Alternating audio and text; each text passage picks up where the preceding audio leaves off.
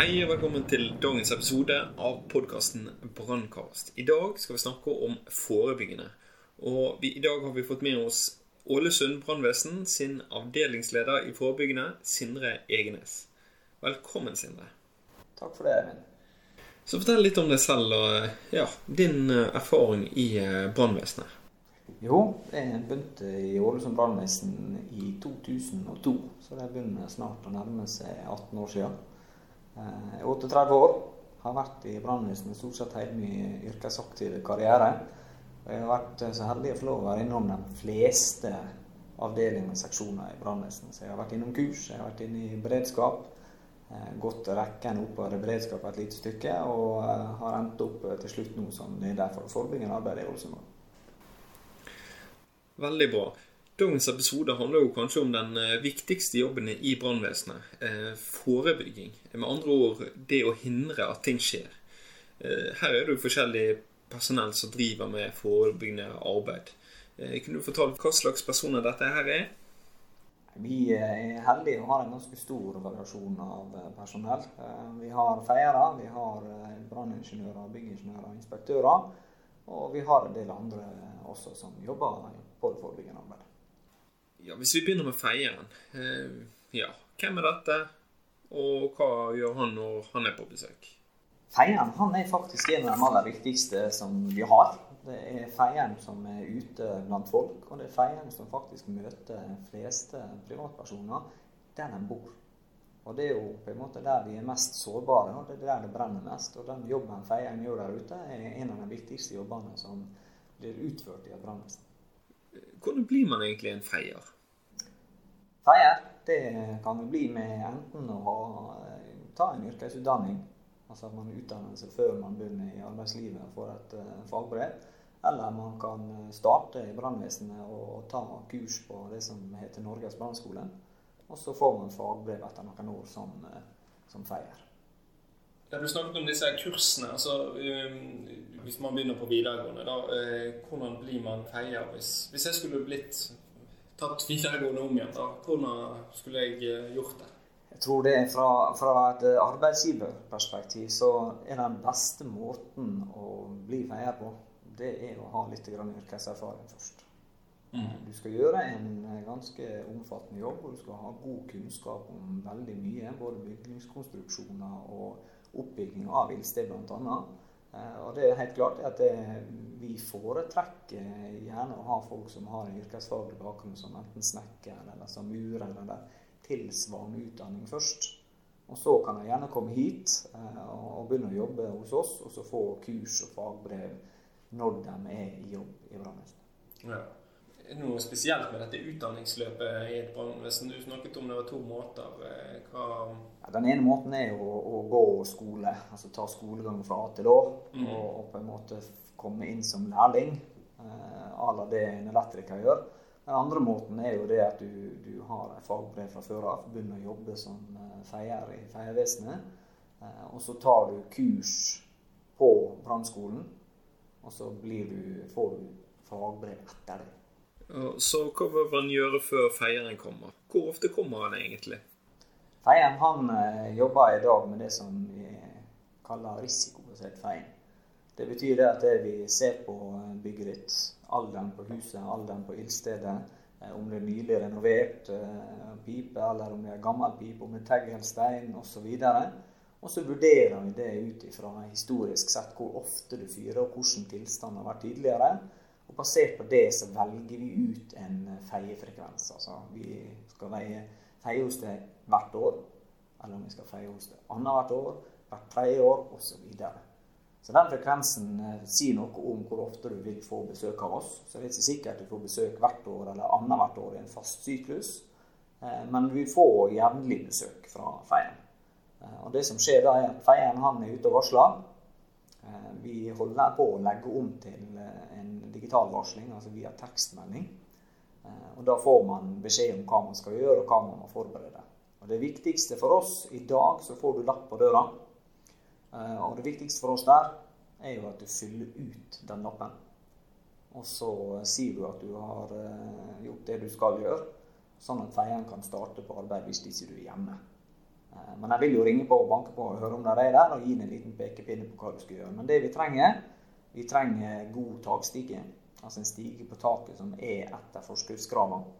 Så trenger vi en stige for å komme opp til taket. Og så er det viktig at du lukker alle spjeld i ildstedet ditt, sånn at du ikke får noe sot inn i huset. Hva skjer hvis det ikke var en sånn stige, da? Hvis ikke du har stige, så kommer vi oss opp på taket. og da sier det seg sjøl.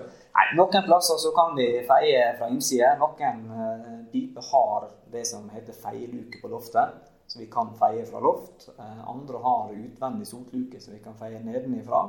Så der er det mulighet der for å kunne utføre feiing på den måten. Uh, men mange piper så må vi opp på taket for å feie. Og da er vi avhengig av å ha en stige. Og er ikke stigen opp til taket god nok, eller til stede, så kan jeg ikke utføre veien, og da vil ikke det bli gjort. Og er ikke takstigen din utført i henhold til kravene, så ønsker ikke vi å risikere skade eller i verste fall dødsfall på eget mannskap, og da får vi lov å gå på taket. Mm. Ja. Men uh, gjør de noe arbeid inne hvis ikke det er noe feiing? Uh, uh, hvis ikke det er feiing? Ja, du kan si det at det, de gjør jo egentlig arbeid inne også når det er feiing. Og da blir jo det utført dette her med å tømme sot bl.a. Og så feier selve røykløpet mellom ildstedet og pipa. Eh, vi deler sesongen til feien i to i dag. Og der vi bruker disse her fine sommermånedene og våren og høsten til å feie ute. Og så bruker vi resten av året når vinteren kommer. Det bruker vi på, på å jobbe med boligtilsyn. Og Da er feien ute og besøker boliger og sjekker litt opp hvordan eh, tilstanden er på ildstedet. Og følger opp de kravene som ligger i forhold til det å ha røykvarsler og håndslukker. Nå har jo vi snakket om feiing. Eh, hva slags andre forebyggende personell eh, har dere? Hva driver disse med? Ja, Feiing er jo en veldig viktig del av det forebyggende arbeidet vårt. I tillegg til feierne så har vi også det vi i Ålesund kaller seksjon forebyggende. Og det er en seksjon som retter seg inn mot eh, befolkninga og industri og arbeidsplasser. Eh, den jobben som blir utført der, det er jo en eh, kontroll av særskilte brannobjekt, altså spesielle bygg som har høy risiko i forhold til brann. Det kan være store verdier, det kan være sykehjem og sykehus, og det kan være personer, eller bygg med mange personer i det. Disse Arbeidsoppgavene blir jo fulgt opp av eh, andre enn feieren hos oss. Eh, vi har det som vi har forebyggende personell hos oss som eh, gjør den jobben. Det består av bygningsingeniører, det består av branningeniører. Vi har helse- og sosialarbeidere hos oss. Og vi har til og med en lærer, og vi har folk med den samfunnssikkerhetsbakgrunnen. Oh ja, spennende. Du nevnte det her med lærer og helse- og sosialarbeider. Hva Eh, det er jo ikke noe jeg er veldig kjent med i forhold til brannvesenet. Hva driver disse med? Nei, Vi er jo etter eh, loven pålagt å drive informasjonsarbeid ut mot eh, publikum. Ja. Vi skal informere dem om branner og faren for brann og disse risikoene som vi oppdager. Mm. Og skal vi gjøre det, så trenger vi flere enn bare ingeniører som skal utføre jobben. Så, så den allsidige bakgrunnen som vi prøver å ha, den er utrolig viktig for oss. Og Informasjonsarbeid er en av de viktigste tingene vi gjør, for det handler om å bevisstgjøre folk om risikoen for brann. Og Jo mer vi klarer å bevisstgjøre folk om risikoen, jo mer tiltak vil folk gjøre hjemme sjøl. Og på den måten så kan vi få ned antall branner. For det er ikke tvil på det at de fleste brannene skjer hjemme i private hjem. Ja, helt klart. Uh, utrolig, utrolig viktig jobb. Ja, ok.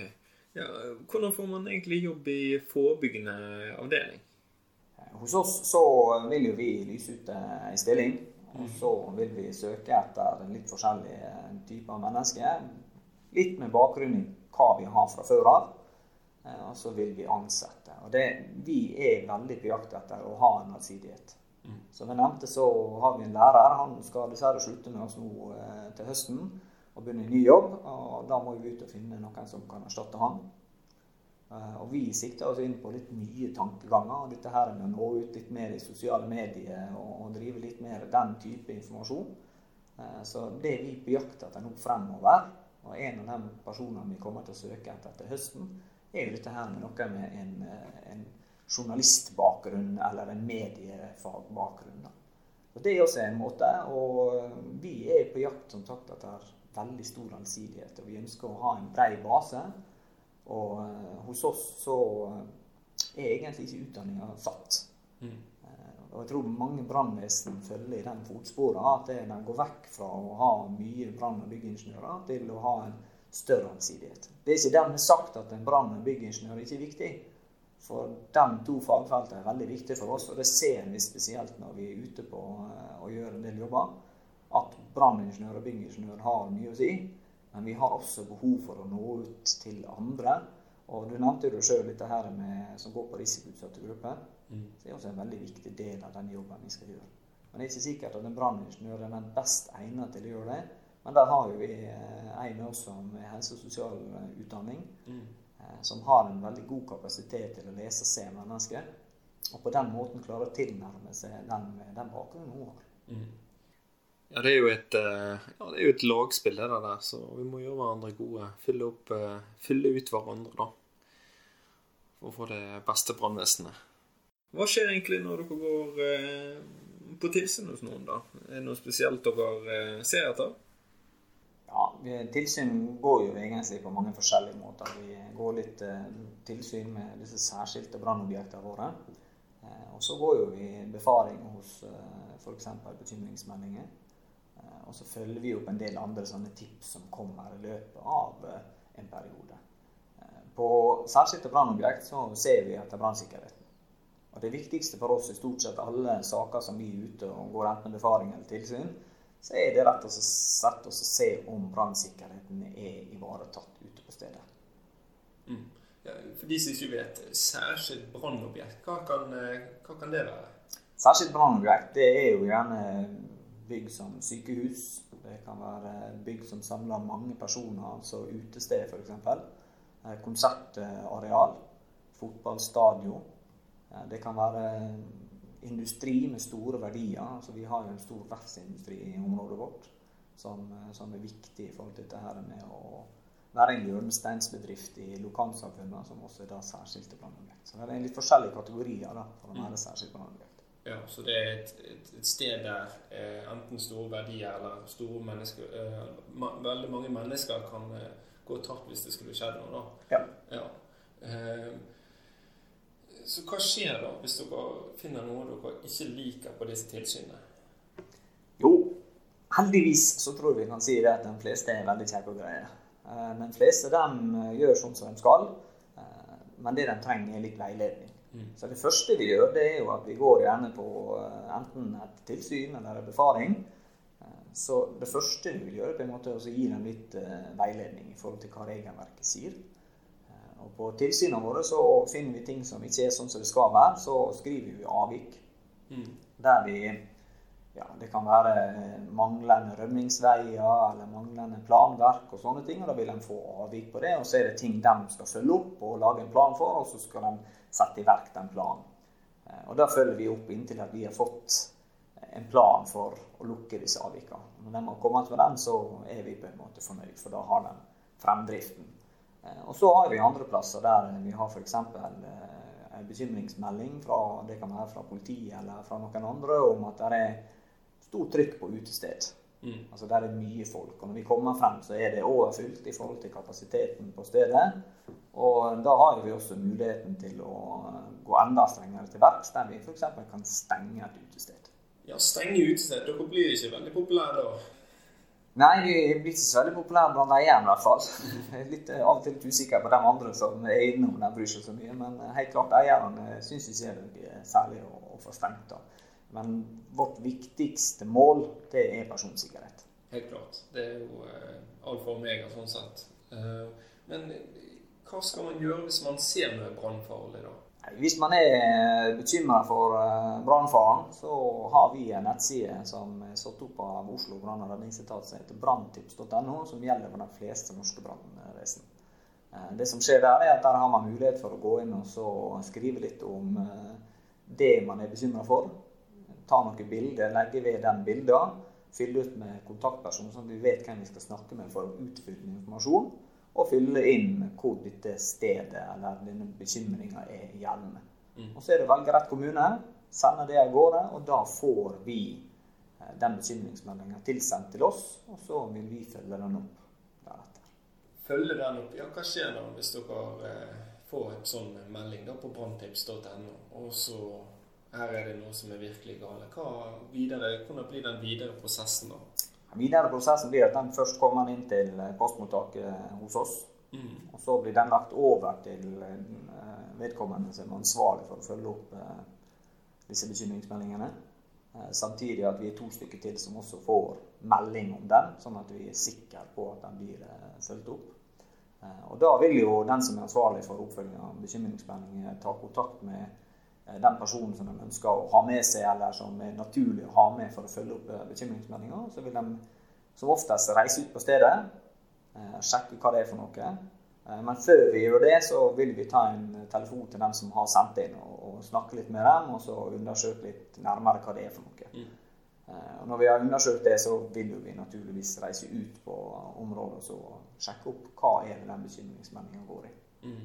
Hva er en typisk sånn bekymringsmelding? Eh, la oss si et hjem. da. Er det mye rot, og, eller er det noen som driver og røyker inne, eller hva kan det være? altså i all hovedsak så kan vi gjerne si det at de fleste bekymringsmeldinger er ganske enkle saker. Det handler ofte om litt med røykvarslere. Det kan være leietakere som er litt bekymra for om brannsikkerheten i bygget er god nok. Eh, det handler om rømningsveier. Eh, og en del sånne ting som er det vanligste vi reiser ut på. Ellers så bruker vi også reise ut bekymringsmeldinger sammen med politiet. Og Da er det gjerne ofte rus og psykiatri som er triggeren til bekymringsmeldinger. Og da er det som oftest folk som har et stort rot og mye skit i huset. Ja. ja, da kan det være greit å ha politiet med seg. Men eh, dere jobber spesielt med informasjon og motivasjonsarbeid til eh, forskjellige, ja, forskjellige grupper. da. Eh, gjerne eh, våre nye landsmenn, eller arbeid opp mot barn eller eldre. Hva, hva slags eh, arbeid innebærer dette egentlig? Nei, mot barn så har vi et eh, arbeid som er retta inn mot sjette klasse. Mm. Eh, og der jobber vi ganske mye med. Og Da reiser vi ut en gang i året til alle sjetteklassingene i Ålesund kommune. Og så har vi et opplegg for dem der vi snakker om brannsikkerhet og har en liten sjokkøvelse der for å prøve slukkeapparat for å se hvordan det fungerer. Eh, så har vi en eh, Bjørnis som er retta inn mot barnehager. og Da følger vi opp eh, gjerne barnehagene der med besøk av en Bjørnis og litt permer og litt bamser de kan ha med seg og, og, ha litt bevissthet rundt det. Og det er de eldste barna i barnehagen som, som, er med på den runden der. Så har jo vi mye her på brannstasjonen. Vi har Bjørnisdagene der vi inviterer barnehagene og de eldste barna til å komme hit. Vi har åpen brannstasjon en gang i året der vi eh, inviterer alle i kommunen til å komme på besøk hos oss. Eh, og vi gjør en del sånne tiltak som er retta mot eh, barn og unge. Mm. Så har vi spesielt dette her mot det som vi kaller risikoutsatte grupper. Og det er jo eldre, og det er rus og psykiatri, og gjerne disse som kommer til landet fra andre områder. Da. Og da driver vi mye med informasjonsarbeid og prøver å følge dem opp. Både å følge opp dem som er i disse gruppene. Eh, men samtidig så prøver vi også å veilede dem som skal følge dem opp til vanlig. Mm. Sånn at det er dem som er på besøk hos dem, som f.eks. hjemmehjelpa, vil følge opp den problematikken som vi har med brannsikkerhet i hjemmet. Sånn at vi slipper å være ute hos alle. Så det er et liksom tverrfaglig samarbeid eh, på akkurat dette med brannsikkerhet. Mm. Og eh, dem som kommer, spesielt dette med flyktninger, Eh, som kommer til landet. Der har vi et lite opplegg sammen med voksenopplæringen her i kommunen. Mm. Der vi eh, tilbyr en liten sånn brannvernopplæring à la den sjetteklasseundervisninga som, eh, som vi har, men på et litt annet nivå. Mm. Ja, dere har veldig mye informasjon om motivasjonsarbeid. Jeg vil jo gjerne trekke frem Bjørnis som et veldig godt eksempel på dette her. Bjørnis den tar jo faktisk og videreformidler kunnskap til barna, som igjen videreformidler kunnskap til foreldrene. Og jeg tror en nøkkel her i brannsikkerheten i hjemmet det er jo faktisk å få med barna med på laget, sånn at eh, de gjør eh, foreldrene bevisst på dette også. Ja, det er helt klart. Det er jo en del av baktanken vår det med å bruke Bjørnis. Det at vi tar med oss barna, og sjette klasse for den saks skyld. At det, barna tar med seg brannsikkerheten hjem igjen. Og påvirker foreldre eh, delvis under tvang til å være med på, på, på den øvelsen som eh, Bjørnis eh, har. For Der får jo de et hefte som de skal fylle ut og gå gjennom brannsikkerheten hjemme. Mm. og da får vi litt tilbake med hvordan ståa er. Samtidig som vi trekker i trådene og tvinger foreldre til å være med på det opplegget der. Det samme gjelder egentlig også sjetteklasseundervisninga, der vi ber barna da ta en kontroll hjemme. Og eh, på den måten så stiller de noen kritiske spørsmål til eh, sine foreldre, og foreldre blir også påvirka inn i eh, den tankegangen der. Ja. ja, det er helt supert. Men det kan jo hende at brannalarmen går i ny og ne. Hva må man gjøre ved eksempel en rømning? Ja, det er jo sånn at brannalarmen den eh, går, den. Eh, Skal vi rømme ut, så er det viktigste vi har gjort på forhånd, er å øve. Og vite hva vi skal gjøre. Vi bor jo i mange forskjellige bygg rundt omkring. Eh, Noen bor i blokk, og noen bor i enebolig, noen bor eh, under bakkenivå, noen bor eh, langt over bakkenivå. Eh, Så vi må, vi må tenke oss godt opp på forhånd. Mm. Sånn at når vi er oppe i en sånn situasjon, så vet vi hva vi skal gjøre. For det er den handlingsmønsteret som vi har innøvd først, som vil være det handlingsmønsteret vi øver på å gjøre når det først smeller. Så det er viktig at vi eh, vet hvor øvningsveien er, og at vi kommer oss ut raskt, men rolig. Sånn at det, dersom vi åpner dør og møter røyk, så vet vi det at oi, her skal vi lukke døra og snu og, og finne oss en annen vei ut. Så det er på en måte det viktigste, at det vi eh, rolig, men raskt beveger oss mot utgangen, og, og på veien så varsler vi også andre. Ja, rask og rolig ut. Og hvis røykoppgangen er full, så eh, Nei, trappeoppgangen er full av røyk, så da må man nesten vente på, på hjelp. Da. Men det er viktig å varsle, og viktig å, å eh, informere naboer også, da. Altså ved å varsle de òg, at eh, her er det noe som skjer. Men det hender også at eh, det skjer et uhell iblant. Eh, Når man eh, lager mat, f.eks. Hva gjør man når man får en sånn brannalarm? Hva skjer på en sånn branntavle? En branntavle forteller oss viktig informasjon om hvor, det, hvor brannalarmen har gått. Ikke nødvendigvis hvor det brenner, men den sier oss noe om hvor brannalarmen har gått. Og det er nok på en måte det vi må reagere på først. Dersom vi har et, eh, et eller annet ansvar for å kontrollere og følge opp en brannalarm, det kan være i bedrifter eller i en boligblokk, så vil jo det første man gjør, det er å gå til branntavla og se hva informasjon er det som står der. Normalt sett så står det en eh, indikasjon på hvor det er hen, enten i form av en eh, meldernummer eller i form av en mer spesifikk adresse, at det er leilighet B i tredje etasje. Eh, Og Da kan man også gå inn i et kart som henger som oftest ved siden av branntavla, så kan man lese ut av det kartet hvor dette er, og så kan man gå og undersøke. Det viktigste man gjør, det er å la brannalarmen ringe til man har helt sikkert avklart situasjonen. Ja, fordi at eh, det kan jo godt være at eh, du, du tror at det er du som har laget maten, men så er det kanskje gjerne noen andre det driver og fjører oss. Ja, Vi har et konkret eksempel eh, senest eh, denne uka her, der eh, det gikk en brann på en institusjon. Vedkommende som hadde vakt, gikk og skrudde av brannalarmen, og så gikk og sjekka, og det viste seg at det faktisk var brann på stedet. Så det er helt klart det er viktig at vi sjekker ut disse tingene før vi skrur av, og ikke antar at det er sånn og sånn. og sånn. For det er veldig mange som gjør, og når vi kommer til stedet, så sliter vi med å finne ut hvor det, hvor det faktisk er. Man har gjerne litt tid eh, også før varslingen skjer til eh, 110-sentralen. Altså, hvor lang tid har man? Og, eh, gjelder dette alle bygg?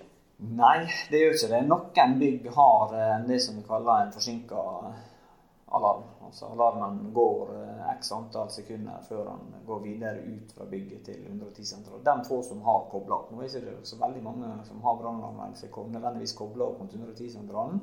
Noen er kobla opp mot vaktsentraler, og andre er ikke kobla opp noen andre plasser enn til en vaktmester.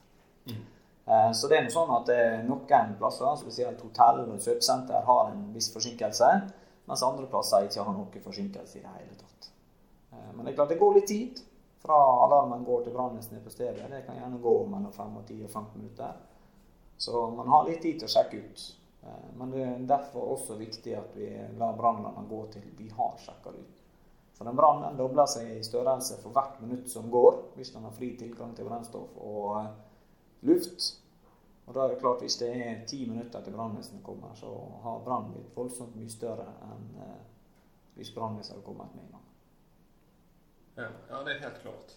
Jeg vil jo gjerne komme med en oppfordring da, til de som har eh, de som har eh, sånne varslingsanlegg det er å oppdatere kontaktinfoen eh, så fort som mulig. Det er veldig mange gamle numre som ligger der inne. Det er bare en eh, Men eh, så over til det som gjerne kalles hverdagssikkerhet. Dette er noe som alle bør vite om. da. Så vi begynner da med ja, Er det noen grunnleggende, grunnleggende tips eller råd som allmennheten bør kunne? Jeg tror det er tre ting som er viktig. Det er røykvarsler, slukkemiddel og brannøvelse med barn. Ja, brannøvelse med barn. Hva legger du i det? Brannøvelse med barn er rett og slett det å lære ungene så tidlig som mulig hva de skal gjøre hvis brannalarmen går. Mm. Det kan være på nattestid, det kan være på dagtid, det kan være når foreldre er ute i hagen, det kan være når foreldre er ute på tur. Eh, men ungene må og bør vite hva de skal gjøre og hvordan de skal handle dersom brannalarmen går. Mm. Det som vi var litt inne på i sted også, dette her med at det, det vi har øvd, er det vi gjør. Og det samme gjelder barn. Men barn blir fryktelig usikre hvis de ikke vet hva de skal gjøre. Og Har de aldri øvd på evakuering med brannalarm, så vet de ikke hva de skal gjøre. Noen kan bli redd og gjemme seg i stedet for å gå ut. Ja. Eh, for eksempel, et eksempel på dette er å prøve f.eks. en brannstige. Ja, det kan være et godt eksempel på, på det. Mm. Så hvis vi går over til hus og hjem her er det veldig mye å lære. Eh, hvis vi begynner med slukkeapparat. Eh, man kan jo velge, velge, mellom veldig mange typer. Eh, hva bør man egentlig velge? Satt på spissen så bruker jeg å stille tilbake det samme spørsmålet. Hvis du opplever en brann, hva apparat vil du velge for å slukke den brannen? Da er det veldig mange som stusser og lurer på. For det er helt klart det at det, hvert enkelt slukkeapparat har sin styrke. Skumapparat har sin, pulver har sin, CO2 har sin styrke. Eh, og det mest ideelle det er å ha ett av hver.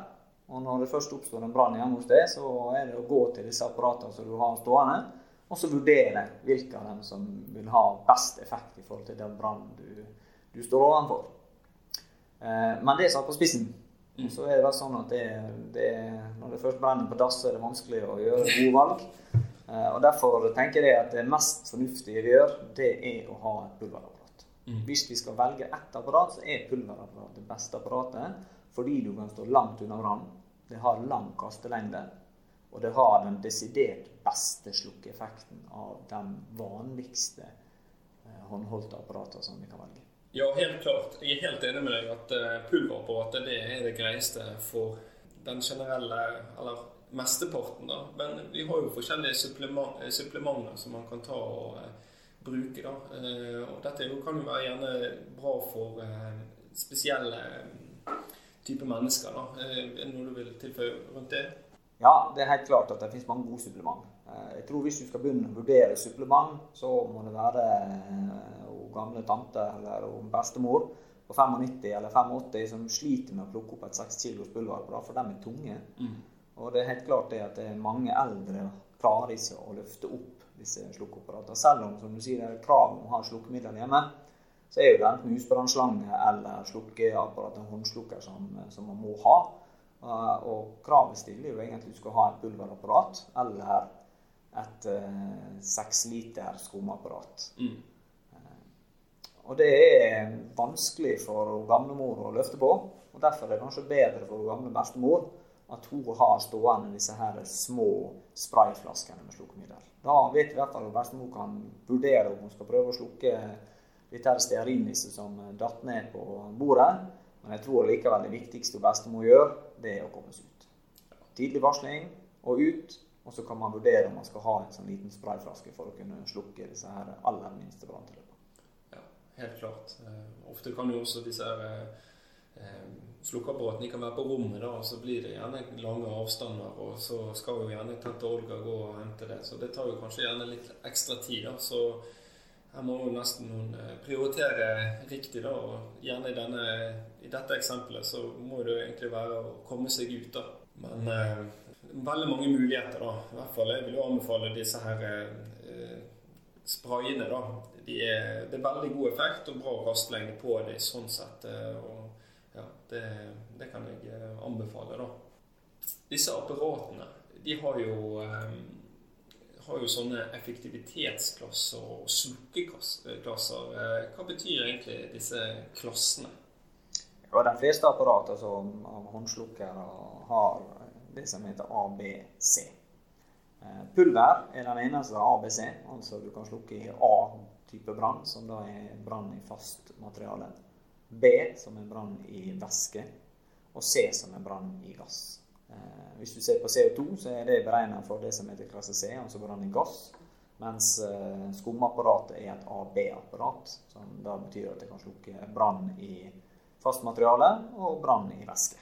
Skum er et veldig godt eh, og effektivt middel hvis det er væskebrann. Så det kan jo godt hende at i garasjen din kan det være fornuftig å ha et skumapparat. Men av de mest effektive apparatene så er det pulver.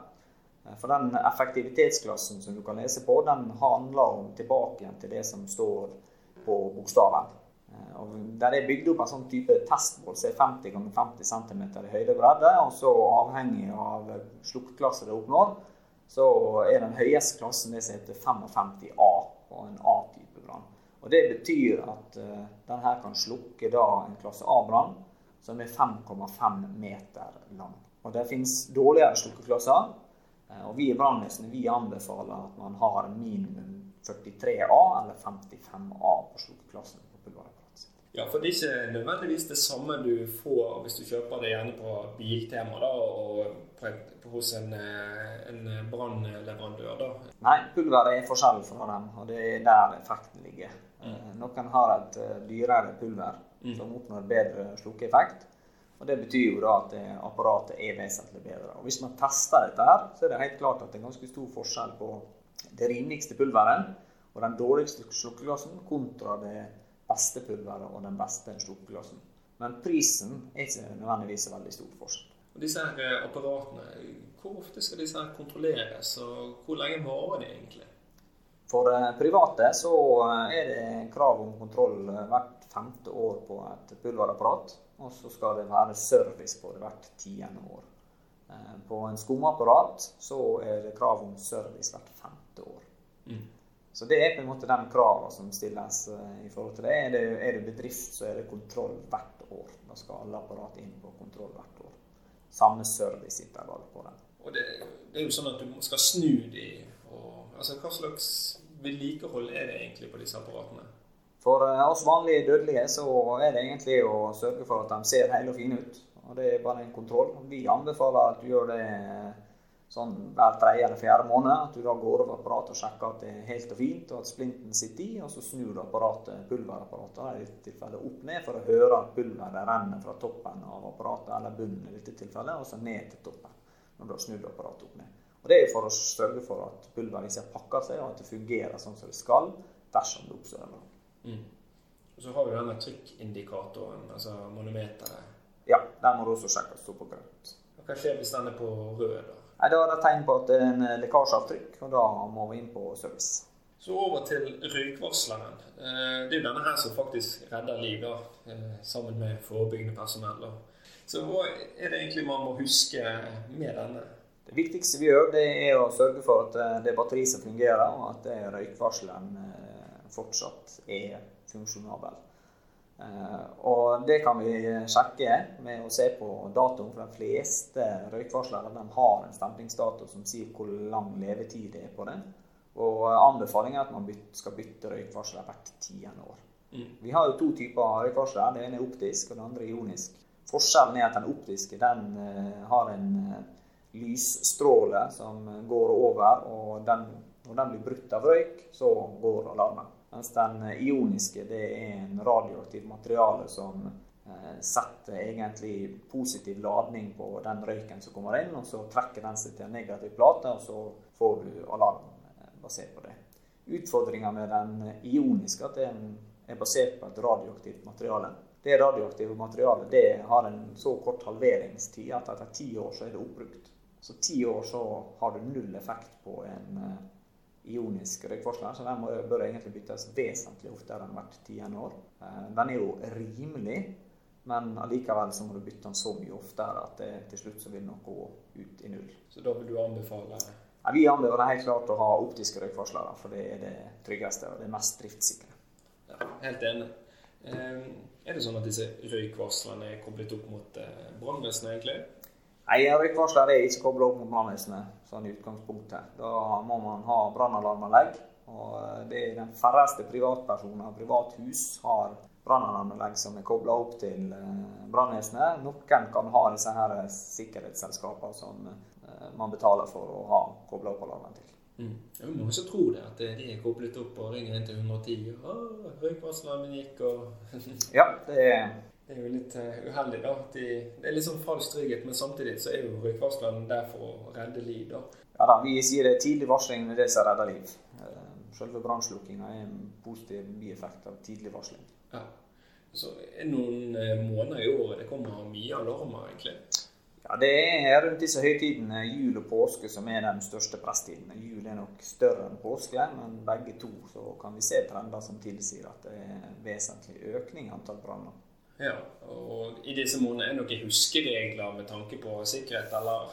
Ja, vi bruker å si at prøv å ha et jevnt trykk gjennom hele året, så blir det mye enklere. Men eh, vi har røykvarselens dag 1.12., som er den viktigste dagen. og det, Der er vi i brannvesenet ute og prøver å legge trykk på minne folk på å skifte batteri i røykvarsleren, sånn at det, vi i hvert fall går en høytidig møte der vi har fungerende varslingsutstyr.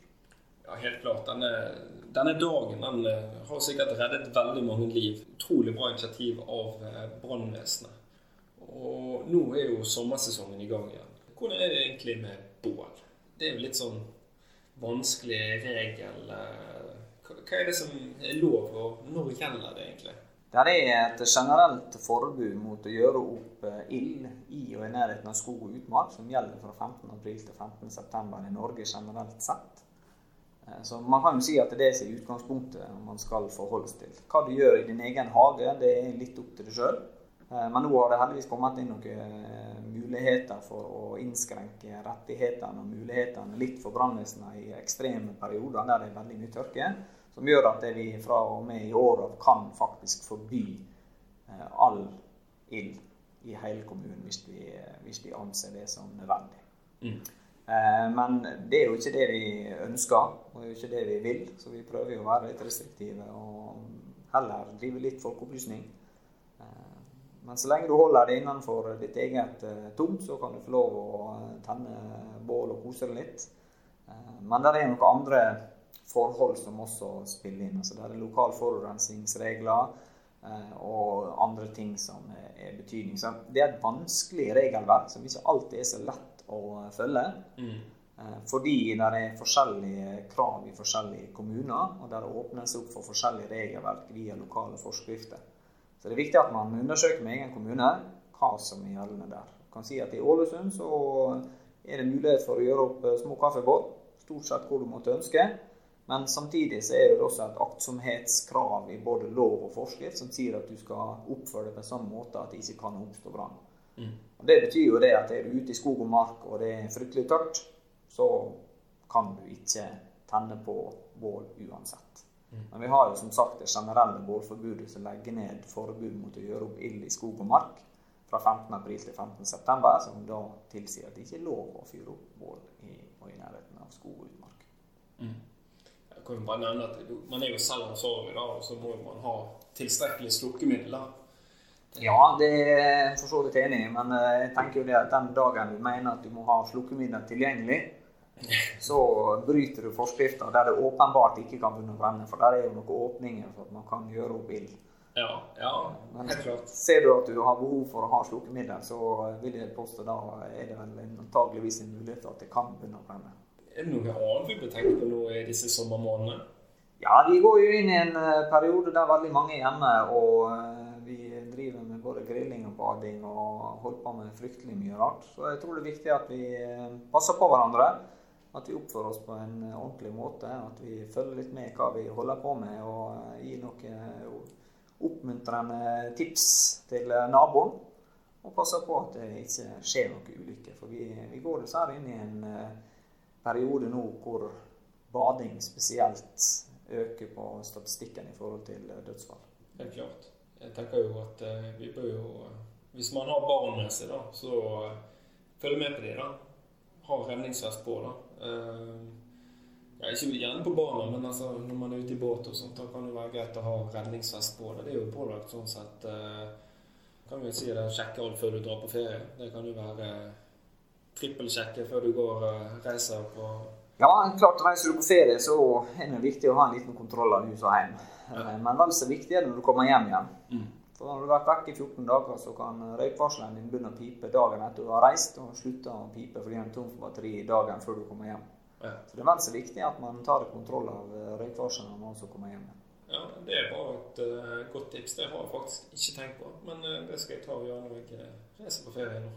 Men uh, hvordan tror du framtiden blir da angående forebyggende arbeid? Er det noe spennende du har lyst til å trekke fram her? Nei, Det forebyggende arbeidet tror jeg har vært i endring nå siden 2016. Eh, med litt større fokus på å forebygge det brede. Så jeg tror det at det vi kommer til å oppleve en mye større fokus på informasjonsarbeid ut mot eh, publikum. Og en bevisstgjøring av befolkninga generelt sett. Så det tror jeg blir en spennende tid å jobbe med. Mm. Helt klart. Mye med sosiale medier, da? Ja, det vil nok være en viktig del av det arbeidet brannvesenet gjør mye på Facebook og Instagram og gjerne sikkert litt TikTok etter hvert. Ja, kanskje det. ja, eh, Så før vi runder av, da. Eh, er det noe eh, en brannkonstabel bør kunne angående forebyggende arbeid? Det er jo gjerne de som får spørsmålet når de er på butikken, f.eks. Jeg tror en brannkonstabel bør ha god kunnskap om brannforebyggende arbeid. Han må ha veldig god kunnskap til eh, røykvarslere. Hva som er hva, og hvordan det fungerer, hvor det skal være, og hva kravene er. og Spesielt forskriftskravene.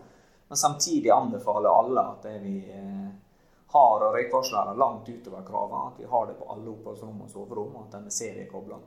Eh, Brannkonstabelen må også ha god kjennskap til dette med slukkemiddel. Eh, og Man bør kanskje ha en prat på brannstasjonen generelt sett om hva er den generelle holdninga om både røykvarslere og slukkemiddel utad fra, fra brannvesenet til publikum. Sånn at det brannkonstabel A sier akkurat det samme som forebygger B. Sånn at vi, vi, er litt på disse tingene. Samtidig så bør eh, brannkonstablene kjenne godt til forskrift om brannforebygging. Vite alle kravene som uh, står der. Og de bør ha god kjennskap til de lokale forskriftene som handler om dette med brann. Ja, helt klart. Den her var jo helt supert. Jeg tror det er flere som må ta seg en liten titt, gjerne i uh, forskrift om brannforebyggende nå etter denne episoden. da. Men supert. Da er jeg nødt til å runde av episoden. Tusen takk for en lærerik episode. Jo, bare hyggelig. Veldig kjekt å kunne få lov å være med. Ja, da runder vi av. Takk for oss. Vi snakkes.